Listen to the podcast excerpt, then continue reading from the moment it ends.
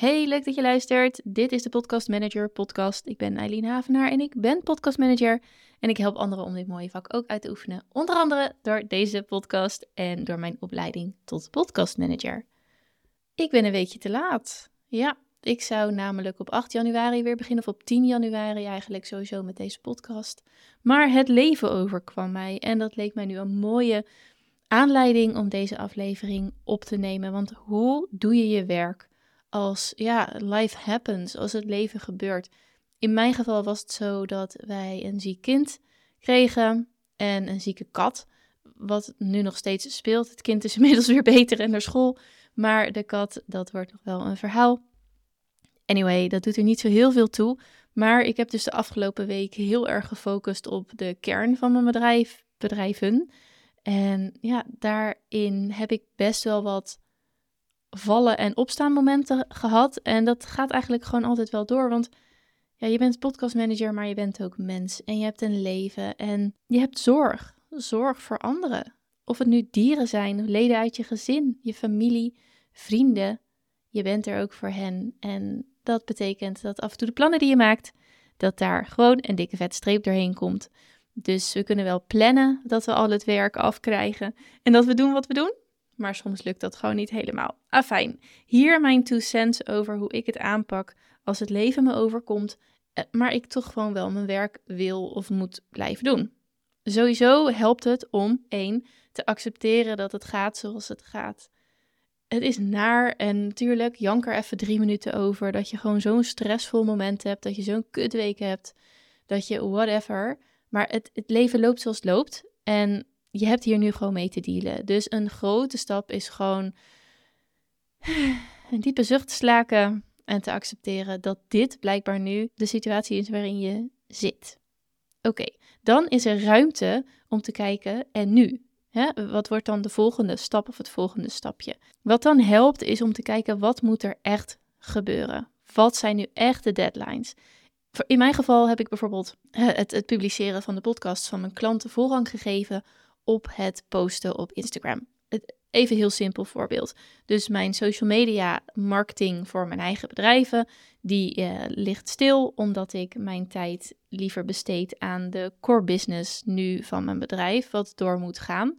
En natuurlijk ga ik dat wel weer oppakken, et cetera, et cetera. Maar op dat moment moet je gewoon keuzes maken, anders word je gek. En dit is dus een keuze die ik heb gemaakt. Als in jouw geval juist heel belangrijk is dat je heel erg aanwezig bent, dat je zichtbaar bent, ja, dan is het natuurlijk logisch om die keuze te maken.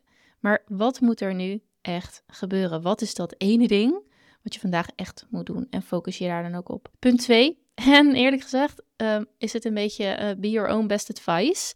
Wees je eigen beste advies. Eerlijk zijn tegenover je klanten. Ik vind dat zelf ontzettend moeilijk omdat ik denk, ja, ik red het wel, ik red het wel, ik red het wel. Maar als je samenwerkt met mensen, dan voelen ze gewoon, er is iets of er klopt iets niet. Of het feit dat je ineens op zaterdag show notes stuurt ter review, hè, guilty.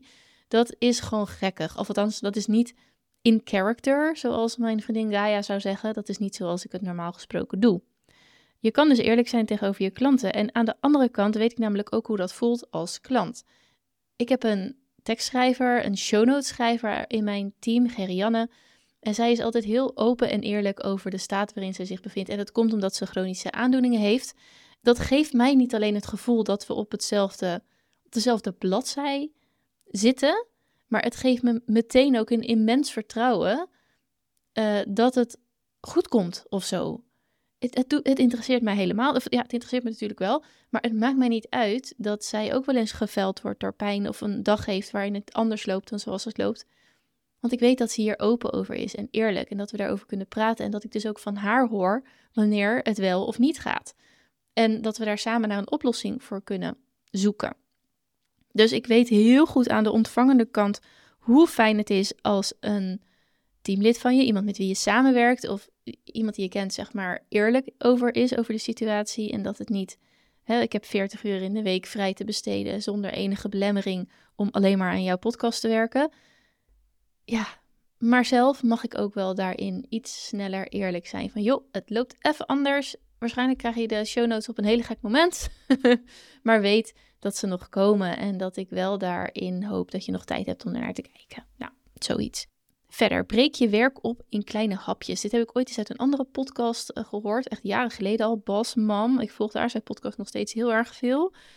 En zij heeft ook wel eens een, een uh, aflevering opgenomen over werken met, als ondernemer met kleine kinderen die thuis zijn, die ziek zijn, et cetera. En zij zei, breek je werk op in hele kleine stukjes. Dus op het moment dat je een momentje hebt om te werken, dat je dus ook stapjes kan zetten, dingetjes kan afvinken. Dus zeg niet uh, aflevering beluisteren en show notes schrijven, maar begin gewoon met 15 minuten van de aflevering beluisteren en dan bij notities maken voor de show notes. Ik weet je wel zoiets.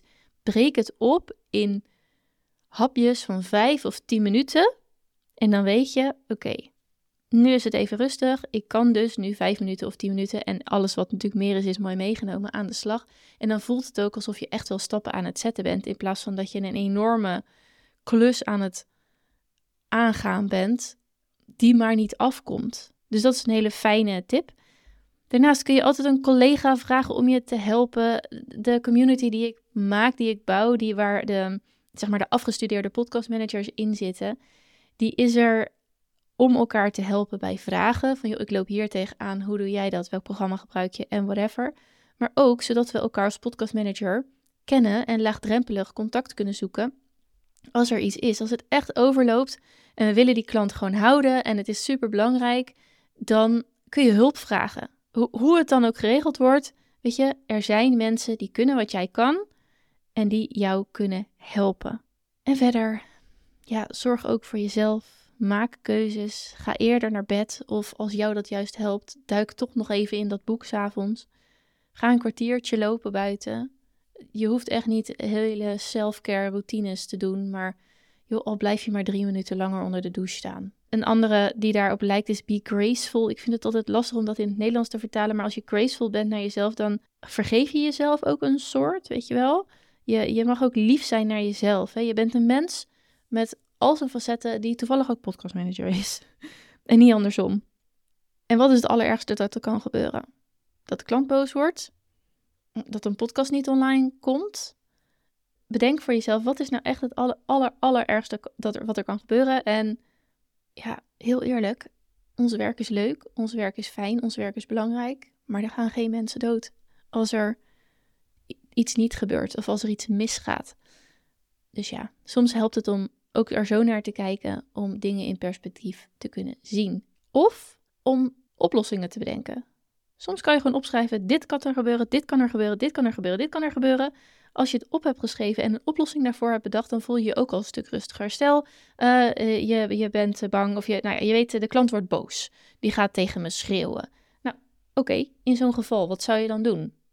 Het feit dat je een soort van plan hebt bedacht, of een actie of een reactie, geeft je ook al gewoon rust. Dat, oh, oké, dus als er dit gebeurt, doe ik dat. En dan gaat het leven ook weer verder.